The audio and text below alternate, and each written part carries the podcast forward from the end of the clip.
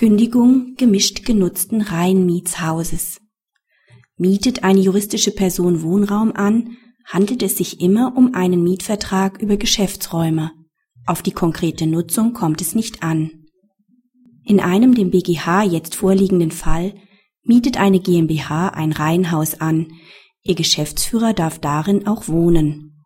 Nunmehr streiten die Parteien über die richtige Kündigungsfrist, weshalb zu entscheiden ist, ob ein Wohn- oder Geschäftsraummietvertrag vorliegt.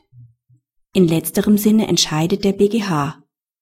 Abzustellen ist hinsichtlich der Einordnung des Vertrags auf den Zweck der Nutzung, den der Mieter verfolgt.